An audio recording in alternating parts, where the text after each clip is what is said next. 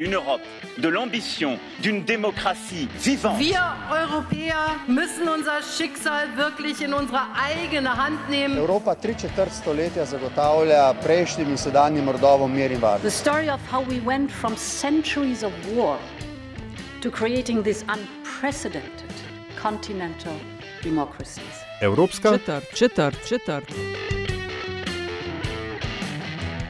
Ми народ, який за тиждень зламав плани ворога. Плани, які будувалися роками, підло, прораховано, з ненавистю до нашої країни.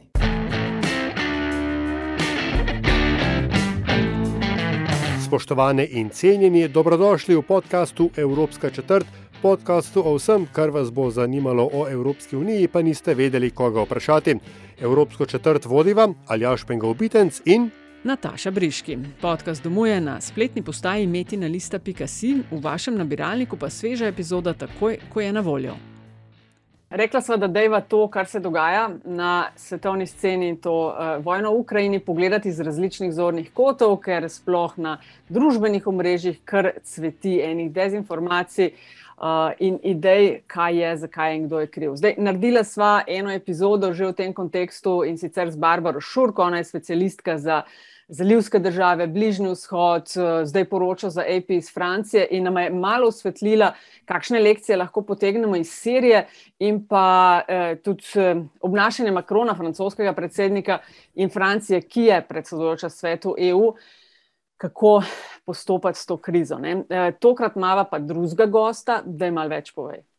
Ja, um, naj današnji gost, Nataša, nam bo um, zelo verjetno poskušal um, osvetliti, raz, je, razjasniti, razkaditi meglo, ki uh, je nastala ob um, poskusih razlage ruske ukre, uh, agresije na Ukrajino. Uh, kdor je videl uh, nagovor ruskega predsednika Vladimira Putina naciji uh, v dneh pred uh, agresijo, je mogoče ostal zmeden in mu ni bilo čisto jasno, v katero smer teče čas ker uh, se je zdelo, da je včasih preteklost postala predprihodnost, sedanjost je bila uh, um, tudi mečken pač premaknjena oziroma uh, distorted, ne z lepo slovensko besedo. Skratka, in uh, odločila so se, da bo vam za razjasnitev situacije poklicala človeka, ki o tem uh, zelo veliko ve. Nekdanji dopisnik uh, RTV Slovenija iz Moskve, Miha Lamprecht, zdravo. Lepo zdrav obema, lepo zdrav vsem poslušalcem oziroma obiskovalcem. Eh, Miha, strašno se veseliva tega pogovora, ker ti si bil dopisnik v takrat, če je bila Sovjetska zveza, ravno v času, ko je država šla skozi korenite spremembe in je iz ene nastalo 15 držav. V različnem ritmu so države iz te skupnosti odhajale. Ta zadnji je bil Kazahstan, se mi zdi, boš malo več povedal, ampak kar naj mogoče za začetek zanima, pa bomo pol šli okrog tega, kako smiselne so primerjave z hladno vojno takrat, pa smo zdaj v novi. Uh, a poveš, kako si ti doživel tisto obdobje in ko je Ukrajina šla stran? A je to bilo tako kot, ne vem, Slovenija stran iz Jugoslavije ali pa tako, kar je zdaj recimo ne, Črna Gora, Srbija? Ja, smiselno, ja. Hvala za, za vprašanje. Poskušal bom nekako strniti uh, tudi moje osebne občutke, seveda tragične občutke o tem, kar se dogaja. Jaz sem šel takrat gor iz Jugoslavije v Sovjetsko zvezo. Ko sem se vrnil nazaj, ni bilo ne Jugoslavije, ni bilo ne Sovjetske zveze. Se pravi, vrnil sem se v Slovenijo iz Rusije, Ruske federacije. Zdaj, ko pa osebno gledam na te zadeve, na, se mi zdi, da vse skupaj prihaja z nekim blaznim časovnim zamikom. In zadnji sem nekje uh, dal eno tako primerjavo, da mogoče se zdaj ta balkanski scenarij na postsovjetskem območju dogaja v tej najbolj radikalni obliki, namreč spopadli sta se dve največji slovanski entiteti, se pravi Rusija in pa, in pa Ukrajina, ki imate sicer izredno zapletene zgodovinske odnose, ki so dolgi že vse tisoč let. Ampak moramo vedeti še nekaj, ne? da Ukrajina, Belorusija in pa Rusija, to je bilo za časa Jelcenove vladavine, je so prispevala svoj delež k razpustitvi Sovjetske zveze in pa ustanovitvi tako imenovane efemerne skupnosti neodvisnih držav. Ta skupnost v bistvu je na papirju, očitno pa želi zdaj le vladar v Kremlju, predstavnik stranke vojne, radikalni centrist, vzpostaviti nadzor nad vplivnimi območji nekdanje Sovjetske zveze. Tako na kratko upam, da bom lahko nekoliko bolj elaboriral še v nadaljevanju. Mislim pa, da neke linearne primerjave med tem, kako se je osamosvajala Slovenija in kako se je Ukrajina, ker namreč 30 let so sicer se kazale neke tenzije ne, na površju, ampak v globini je, je ta konflikt ostal v bistvu nedotaknen in izredno kompliciran in kot neka tempirana bomba, ki je lahko vsak trenutek pač se sprožila. Sprožilec je pa tukaj seveda, zadnji sprožilec je seveda predsednik Putin. In ne glede na to, kar bomo povedali v nadaljevanju in tudi jaz osebno, nič ne spremeni dejstva, da pač absolutno in uh, najostreje obsojamo vse, kar se je zgodilo, so pa seveda tudi še nekateri detajli, o katerih pa danes bolj malo govorimo. Ne? Uh, Miha, sam, sorry, ali až sam ta internet, eh, omenil si stranka vojne. Se veš, da bi po novem zakonu bi šel zdaj za 15 let v zapor, če bi tam delal? Ja, ja se zato se tudi naša draga kolegica Vlasta Jeseničnik temu izogiba, ampak jaz pač mislim, da ne samo, da gre za stranko vojne, v tej vojni so se pokazali tudi psi vojne. Tako kot so se pokazali psi vojne tudi v obeh čečenskih vojnah, v prvi čečenski vojni in pa drugi čečenski vojni. In pač moram povedati, da Ana Politkovska, slovita novinarka, je te stvari zelo jasno definirala in tudi plačala z življenjem za to, kar je napisala v svojih zadnjih zapisih. In dejansko vedeti, moramo vedeti tudi to, to so pa zgodovinska dejstva. Putin je svojo oblast okrepil že takrat, leta 2000, za drugo čečensko vojno. Ampak to je bilo daleč, šlo je za spopad med, bi rekel, pravoslavjem in islamom, zato nas to na nek način ni prav veliko zanimalo. Uh, Miha, potem v vodu se v bistvu pojavlja vprašanje, ali je sploh obstajala realnost, kjer se um, odnosi med uh, Putinovo Rusijo in Ukrajino pod kakršno koli pač že oblastjo ne bi iztekli v oborožen spopad. Ja, zdaj, ko gledamo za nazaj, se mi zdi, da je skoraj nemogoče, da bi bilo drugače. Če pač eh, imamo, bi rekel, te radikalne, veliko državnike, eh, najprej v Moskvi, pa seveda eh, posredno in podrejeno tudi v Kijevu. Ampak med tem so se zgodili, mi moramo spomniti recimo en detajl. Vi veste, da je bil nekdani predsednik Ukrajine, Juščenko, že takrat se spomnite, kdo ga je zastrupil, Človek je bil zaplinjen, zdravo se je na kliniki na Dunaju, podobno kot nekdo drug na kliniki v Berlinu. To so bili, bi rekel, ti tajni prijemi, kako eliminirati legitimno izvoljeno oblast. Hkrati pa moramo vedeti nekaj. Ta isti predsednik Juščenko je leta 2010 posthumno odlikoval Stepana Bandero z najvišjim ukrajinskim odlikovanjem. Dal mu je uh, znak, znamenje Heroj Ukrajine. Takrat je Evropski parlament je dobesedno znorel, protestiral in seveda to je požgalo po drugi strani spet te negativne ruske reakcije. Potem se je pa zgodilo, bi rekel, pridne, konflikt v Donbasu, v Donetsku in pa Lugansku. Zarekel sem se v Pridnestrju, to se utegne še zgoditi z Moldovo, tako da mi malo misli prehitevajo. Ne? Ampak dejstvo pač je, predsednik Zelenski je pomladi leta 2019 dobil 73 odstotkov glasov ne glede na to, da ga je takrat podpiral tudi uh, uh, oligarh Kolomejski, ki je zdaj živel v Švici in se je nekako iz tega konflikta omaknil.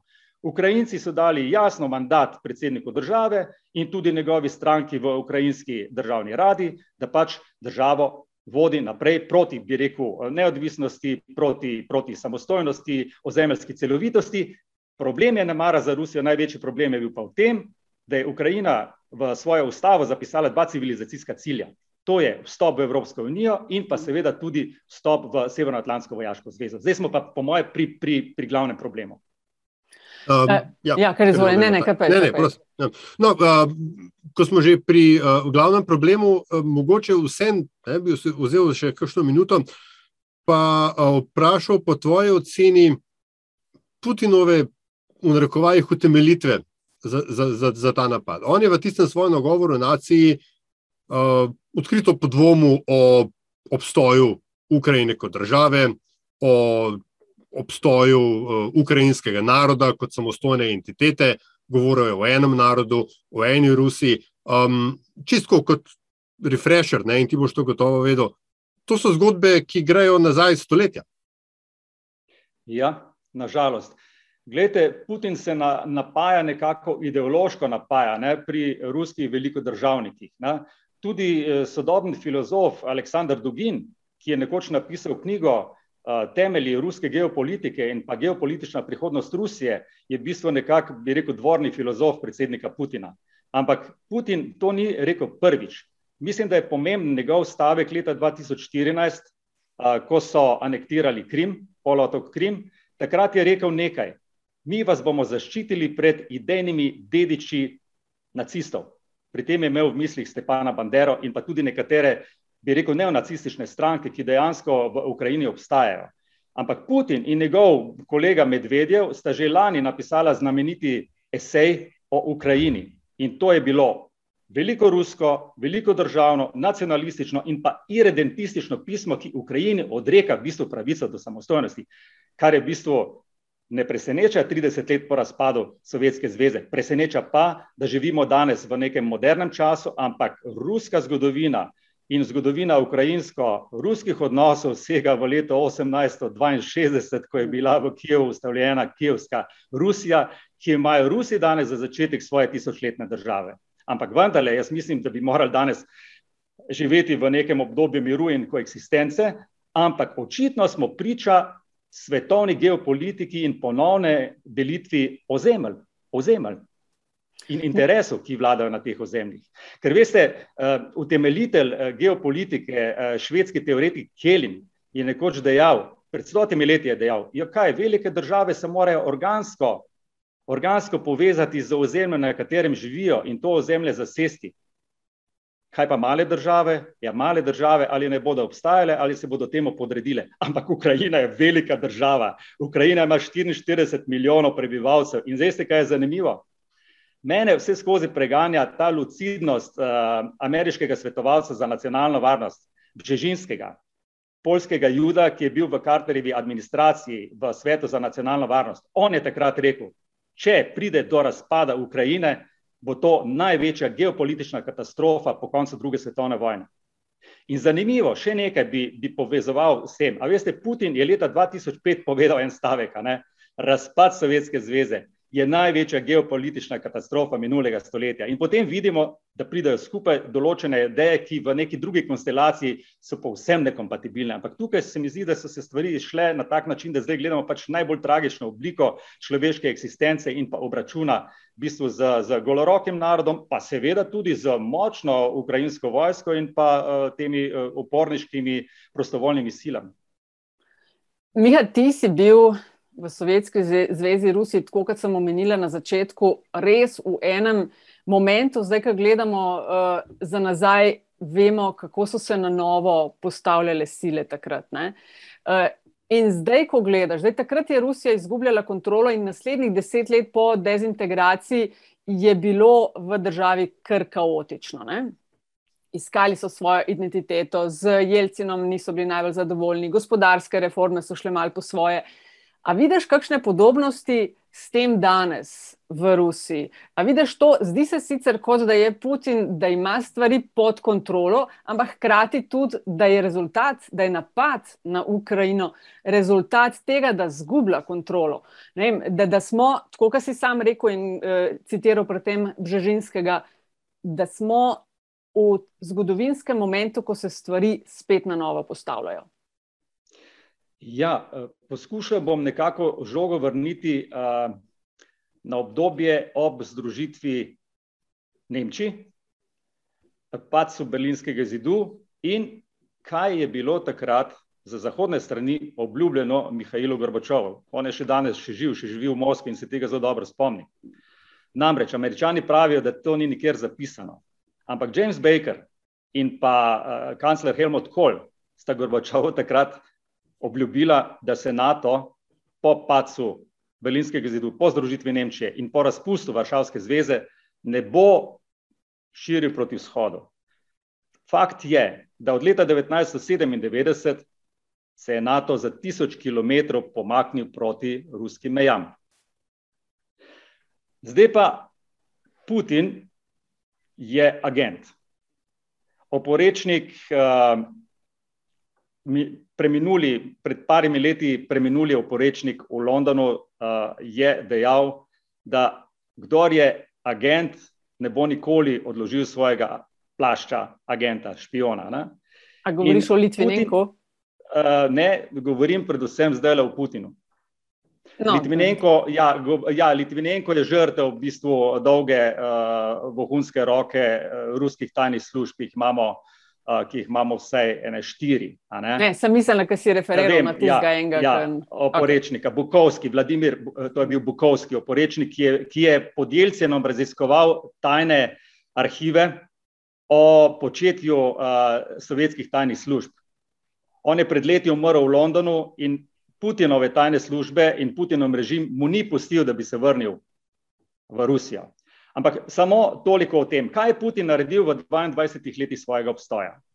Ne? Putin je vse le veljal za uh, racionalnega politika. Uh, govori vedno, da ščiti predvsem ruske interese, se pravi Rusov, ki živijo v Ruski federaciji in Rusov, ki živijo v tako imenovanem bližnjem zamestvu. Rusi uporabljajo izraz bližnje zarobežje. In teh entitet, rusko govorečih, ni malo. Samo v Ukrajini, po zadnjem štetju, je Rusov, rusko govorečih 23 odstotkov. In ti niso imeli, bi rekel, status manjšine po ustavi, po ukrajinski ustavi. Ampak grem, kaj je Putin naredil v minulih 22 letih.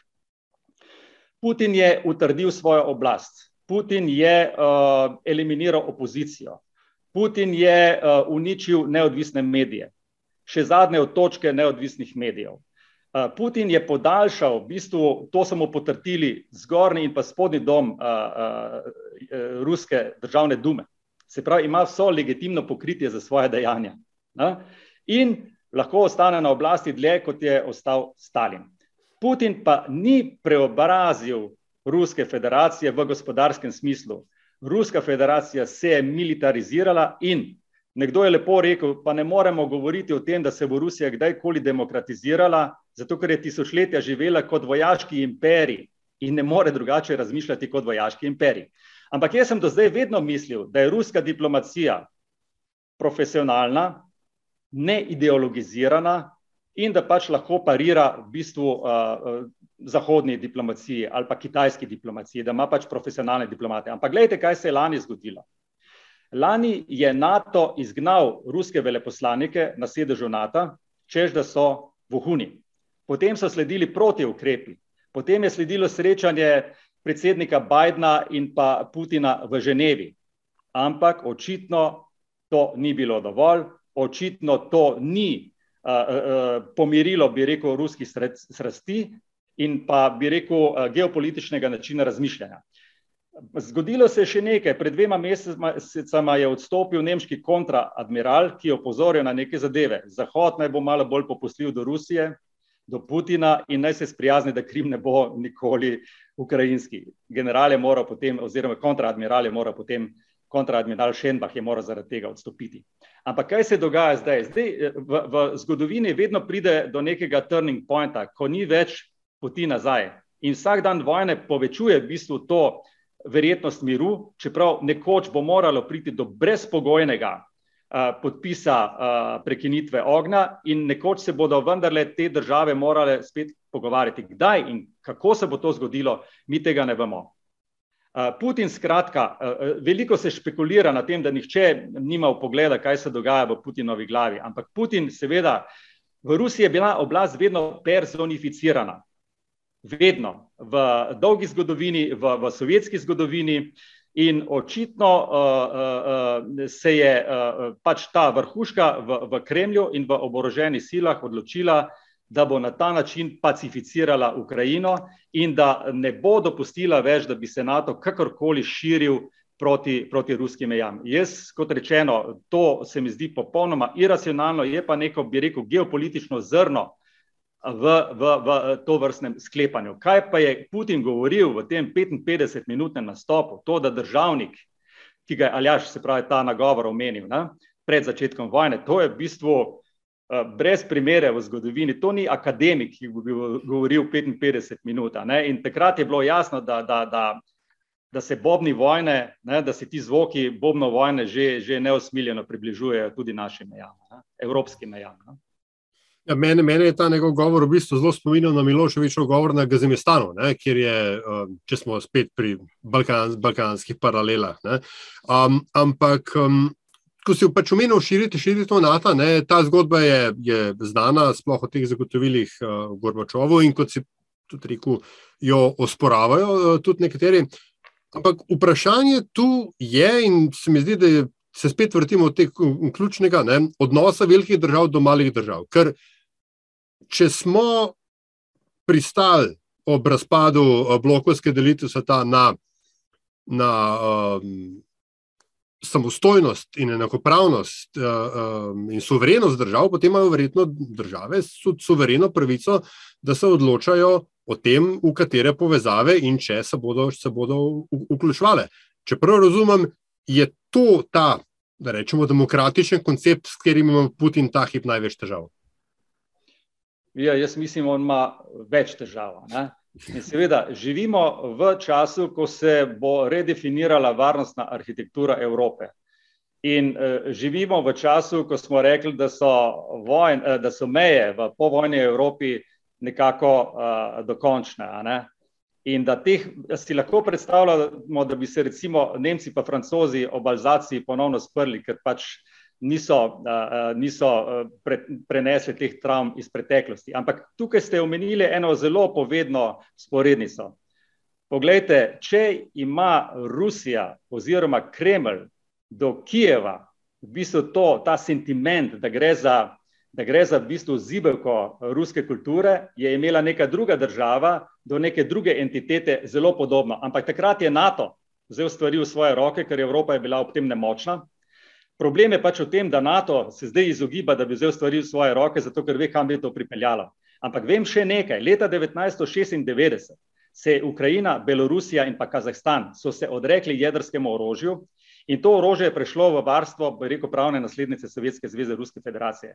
Ampak dajmo razmisliti, ali bi Putin danes tvegal vojno takšnih razsežnosti, če bi Ukrajina upravljala s svojim jedrskim arzenalom. Američani, ameriške strane takrat vztrajala na tem, da se to orožje nekako uh, spraviti pod nadzor uh, Ruske federacije. To bi bil pa, po mojem, potem Armagedon, ker dejansko bi prišlo do, do, do spopada lahko potencijalno neslutenih razsežnosti. Ampak do tega spopada neslutenih razsežnosti prihaja že zdaj. Pošastna devastacija, uničenje civilnih objektov, prebivalstva, milijoni beguncev. Ampak veste, dva meseca nazaj, ko so tajne službe na Zahodu govorili o tem, da se pripravlja napad ruske armade. Ne? Govorili smo kar o nekaj datumih. Ne? In takrat so govorili, da utegne ta napad povzročiti 55 tisoč žrtev in pa 5 do 7 milijonov beguncev. Upam, da pri teh žrtvah, da, da se bo nekako številka zamejila, čeprav se veste, ena smrtna žrtev je tragedija. Ne? Potem, ko se te število smrtnih žrtev sešteva, je pa to že neka hladna statistika. Vendar le upam, da bi, da, bi, da bi morale, ne vem, ali bodo to pritiski tujih držav, ne vidim posrednika, ali bo to, bi rekel, pritisk uh, ruske civilne družbe, ki je zdesetkana.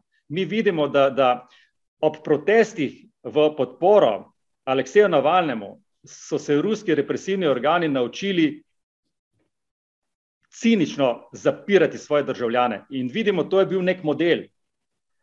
In ta model se nekako spretno, bi rekel, preizkušal v praksi tudi zdaj, ko ljudje vendarle protestirajo. V Ruski federaciji niso protestirali samo v Moskvi in pa Sankt Peterburgu. Protestirali so v 53 mestih in policija, represivni organi so to, so ljudi pač eh, zaprli tako kot, uh, da ne rečem kaj.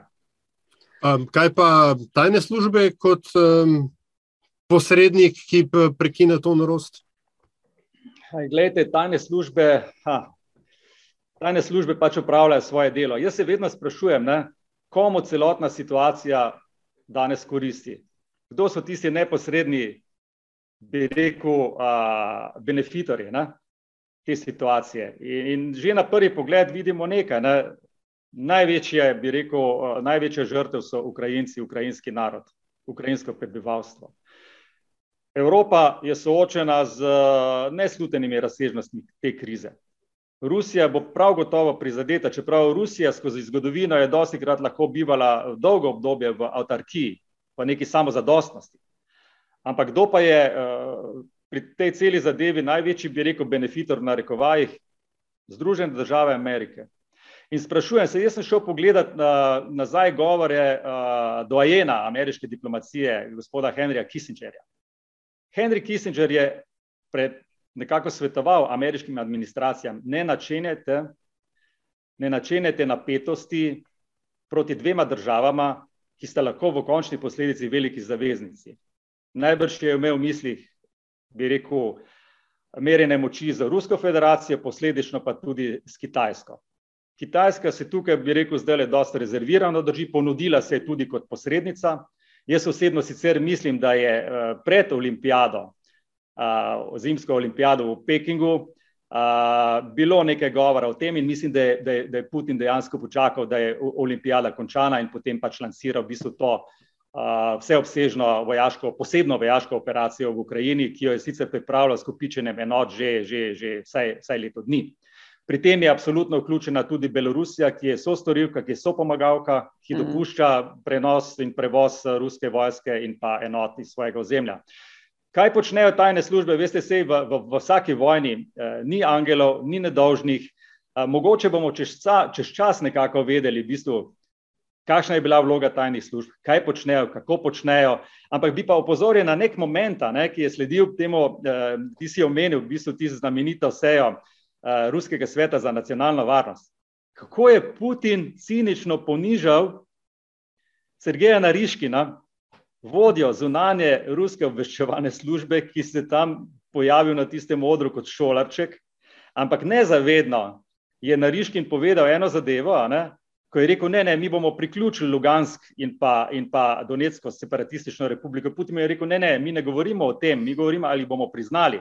Hočem povedati, to je, to je, to je zgodba, propagandna zgodba, propagandistična zgodba, tukaj pač uh, uh, je kakorkoli izpeljana bila do, do, do, do vrhunca. Ampak kaj je moj, moja pomisel o tem, koliko lahko predsednik Putin zaupa v bistvu svojim tajnim službam, ki jih javno tako, bi rekel, poniža in se na nek način praktično z njih malce ne dela norca. Ne. To je veliko vprašanje, ampak nekaj moramo vedeti. Samo še to oprosti, da končamo, mogoče misli, ker mi, nekako mi vre, vre iz mene. Ne. A veste, v, v ruski zgodovini so se zgodili tudi zelo hitni premiki. In, in v, v, v, v ruski zgodovini ali pa sovjetski zgodovini so, so, je, je, je generalni sekretar vedno vprašal, politbiro, ali ste z mano? Da, z vami smo, gospod generalni sekretar dokler ste na oblasti, je bilo pa v oklepaju. Hočem reči, abdikacija, abdikacija uh, ruskega carja Nikolaja II. je bila hipen dogodek. Zgodila se je potem, seveda, uh, revolucija, bolševistična revolucija. Razpad Sovjetske zveze. Nihče ni verjel, da bo Sovjetska zveza tako razpadla. Mihajl Gorbačov je čez noč postal, ki je bil v bistvu prvi in zadnji predsednik, čez noč postal predsednik brez države. Hmm. Hočem povedati, ne podcenjujemo zgodovine in pa zgodovinskih izkušenj, ampak tako, kot zdaj kaže, bi si mogoče upal napovedati, da ta spopad ne bo hitro končan in da tudi ni še zelo blizu čas, ko bi se Putin na ta ali drugačen način poslovil od v bistvu kremljskega prestola. Hmm. Tukaj sem samo Nataša, sam ja, dodati ja. moram Lenina, ne, ki je uh, dejal, da se kako že v zgodovini dolgo desetletja ni zgodil nič, potem se pa v nekaj tednih zgodijo desetletja. Verjetno ča, čakamo ta moment. Ne. Ja, Putin bo uh, jeseni, mislim, da praznuje 70. rojstni dan. Eno stvar, če lahko samo še malo bolj razložiš, zelo zanimivo, kar si omenil in govoril o tem, kdo uh, ima največ od tega, ali pa lahko ima, se zdi, največ od tega, kar se dogaja. Si omenil američane. Lahko samo mogoče malo še razložiš to, uh, kaj se ti zdi, da je tukaj od vsega, zakaj so američani taki No, jaz bi mogoče tukaj na kratko. Uh, meni je, bi rekel, velika enigma, ali bi se to zgodilo, če bi bil v Beli hiši še vedno predsednik Trump. Na? Čeprav, ko se zgodi vojna, uh, to boš ti boljše poznala, ni več razlike med demokrati in pa republikanci. Uh, ključna zadeva, neke teorije govorijo o tem, da znana je ta Kenanova teorija, zadrževanja, blokiranja uh, Rusije oziroma prej Sovjetske zveze.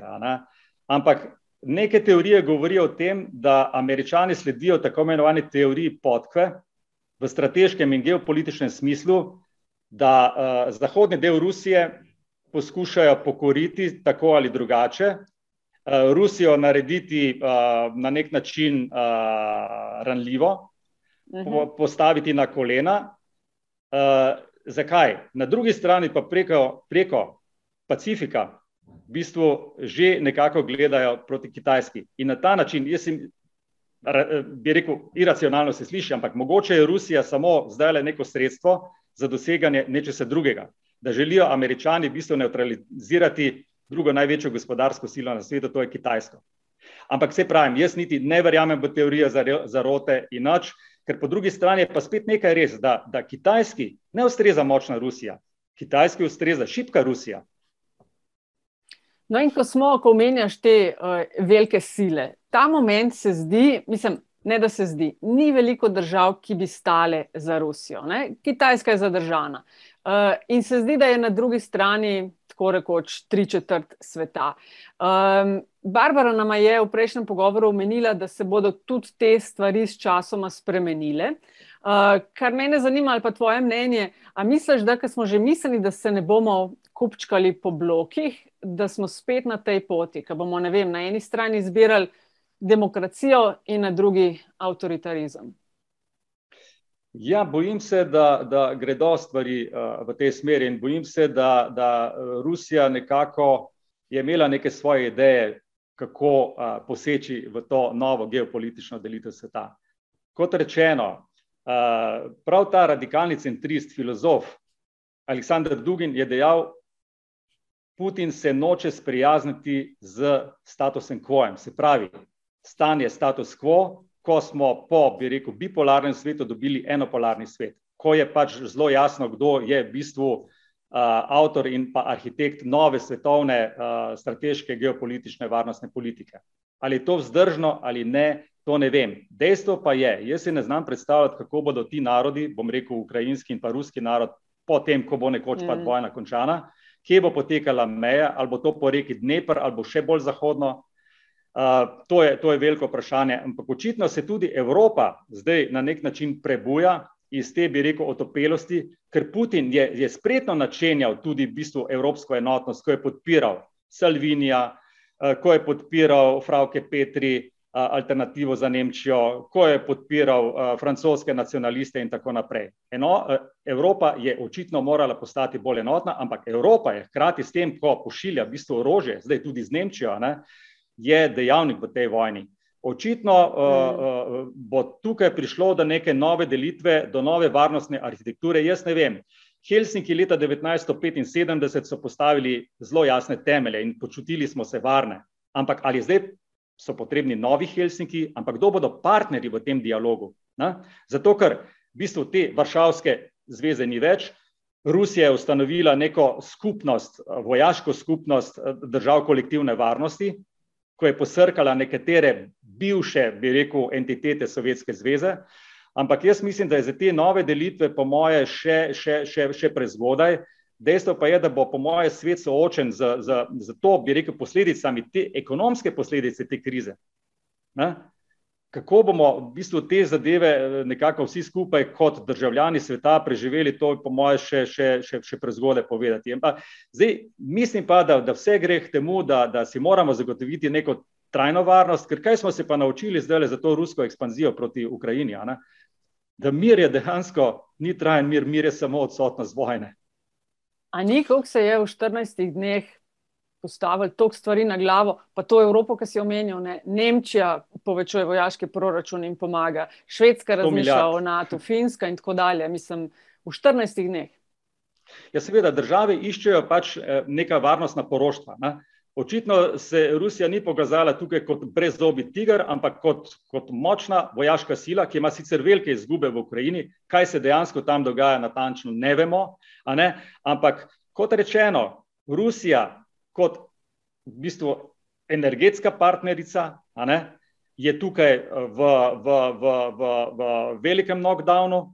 Ampak ali se je Evropa dejansko pripravljena, mi se letošnjo zimo še nekako ogrevamo, zdaj prihaja pomlad, poletje, kaj bo naslednje zimo, ali imamo alternativne energente? V bistvu, hočem povedati, mm. sankcije, kot rečeno, to ni nek, neko stikalo, ki ga izgeš pa ugasneš, imajo tudi neke, bi rekel, spremljevalne, povratne učinke. Zdaj pa samo vprašanje. Uh, mislim, da je to manj vprašanje za evropsko javnost, ki je očitno strnjena, je enotna. Ampak vprašanje za rusko javnost, ruske oligarhe, kje je tiska, tista točka, do katere še lahko gredo, ko v bistvu ta splošno poslabšanje razmer ne bo vplivalo na njihov življenjski standard. Ne? Glavne tisti, ki pa so imeli neko pomembno premoženje, oligarhi in podobno, ne, ki mm. so glavno že davno prej, po mojem, zapustili uh, te in imajo denar nekje v kakšnih finančnih oazah. Ne. Nataša, večkrat nam uh, zmanjkuje ja. časa, pa uh, mogoče čist zadnje vprašanje. Uh, veliko primerjav je bilo v tem, ali je to zdaj obnovitev Sovjetske zveze ali obnovitev carske Rusije. Um, primerjajo Putina s Petrom Velikim. Ne? Ampak Petr Veliki je naredil ta zgodovinski obrat Rusije proti Zahodu, jo moderniziral, tudi zastavo spremenil, če smo že pri tem. Uh, Medtem ko Nikolaj II., zadnji ruski car, ki se ga tudi omenil, je imel pa zelo tak ideološki obrat proti vzhodu in neko rusko avtorkijo. Kje ti na tem spektru vidiš Putina?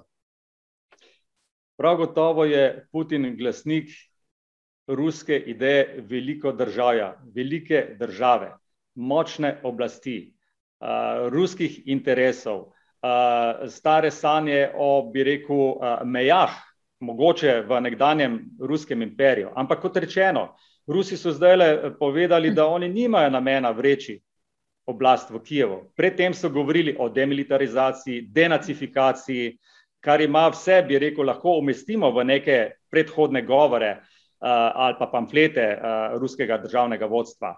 Uh, jaz mislim, da pravzaprav Rusija vse skozi išče neko svojo nacionalno identiteto. Ali jo je našla v obliki predsednika Putina, to ne vem. Prav gotovo pa te zadeve dolgoročno, ne za Putina, ne za ruski narod, ne za rusko državo, ne za rusko nacionalno identiteto, niso dobre in bojim se, da čas pač ne deluje v dobro v bistvu teh idej, ki jih zdaj propagirajo. Ampak kot rečeno, v vsaki vojni ne pozna vojna, ne pozna angelov, ne vemo natančno, kaj se dogaja. Vprašanje samo je, kje se bo Putin ustavil. Ali se bo ustavil na Dnepru, ali bo šel v Moldavijo, v Pridnestrje. Mislim, da v baltske države, Litvo, Latvijo in pa Estonijo. Konec koncev, veste, v Estoniji živijo Rusi že 300 let, ampak nekako imajo te zadeve, so, so, so estonski državljani in mislim, da to bi bil pa res a, a, a, totalna zgodovinska napaka, če bi, se, če bi se ponovila neka teorija omejene suverenosti in bi tečete. Rusi niti nimajo v bistvu teh kapacitet. Rusi so tudi v tem spopadu v, v Ukrajini so, so prikazali, v, bistvu, v kakšnem stanju je uh, ruska taktika, ruska logistika, način poveljevanja in podobne zadeve. Ampak ključno se mi zdi nekaj, pomembno šele prihaja. Rusi lahko zbombardirajo mesta, podjarmijo ozemlje, ampak Rusi tega ozemlja nikakor ne bodo mogli obvladovati, nadzirati. Če tudi ustanovijo v bistvu neko, neko svojo uh, marionetno vlado, ampak mislim, da so to vse računi brez krčmarja. Uh, Bojim pa se, da, da so južni deli, bi rekel, Ukrajine, se pravi Krim kot strateška točka, Sevastopol kot, bi rekel, trdnjava ruske vojne mornarice že skozi stoletja in stoletja in pa ta del, južni del, kjer so bile te, bi rekel, Donetska in pa Luganska republika, ki so mimo grede že leta 1918 pod brezlitovskim mirom bile ruska ozemlja, pa so potem padla. Skratka, zgodovina se je na tem geopolitičnem ozemlju tako kruto poigrala, In to je v bistvu velike pa k temu prispevalo tudi zlo, bolševistično zlo. In Ukrajinci tega Putinu nikakor ne morejo oprostiti. In tudi ruski zgodovinari in ukrajinski zgodovinari ne bodo nikoli, naj organizirajo še ne vem koliko teh eh, mirovnih simpozijev, nikoli ne bodo prišli skupaj. Na? Miha, Miha, najlepša hvala za tole zelo. Uh... Fino je s tabo poklepetati, no? ker lahko daš to malce širšo sliko. Res, res hvala za tvoj čas. Najlepša hvala tudi vama. Jaz uh, upam, da sem se v kakšnih, bi rekel, prognozah zmotil. Je pa res, da veste teh stvari človek. Jaz imam prijatelje, znance na obeh straneh. Na? In nikoli si nisem mislil, uh, da bom kaj takega doživljal, uh, da bo prišlo do, do rezanja po živem tkivu. Uh, jaz bi rekel tako: let's give peace a chance, naj zmaga razum in, in naj pač prevladajo tiste sile, ki, ki vidijo dolgoročno, uh, dolgoročne posledice tega zla, ki ga zdaj v bistvu gledamo, spremljamo in ga pač ruska vojska seje v bistvu na tem ozemlju. Ne? Hvala, Miha. Hvala, hvala vama. To je bila Evropska četrt. Hvala za vašo pozornost. Predlogi mnenja zelo dobrodošli. Hvala tudi za pohvale in kritike, ki jih delite z nami, in res hvala za investicije, ki jih namenjate razvoju in produkciji naših vsebin. Avtor glasbene podlage je Peli iz podcasta Opravičujemo se za vse neušečnosti. Če pa vam je vsebina všeč, bo pomagalo, da nas najde še kdo, če naj jo ocenite pri vašem izbranem podcast ponudniku. Sicer pa hvala za vašo družbo in se slišimo prihodnjič.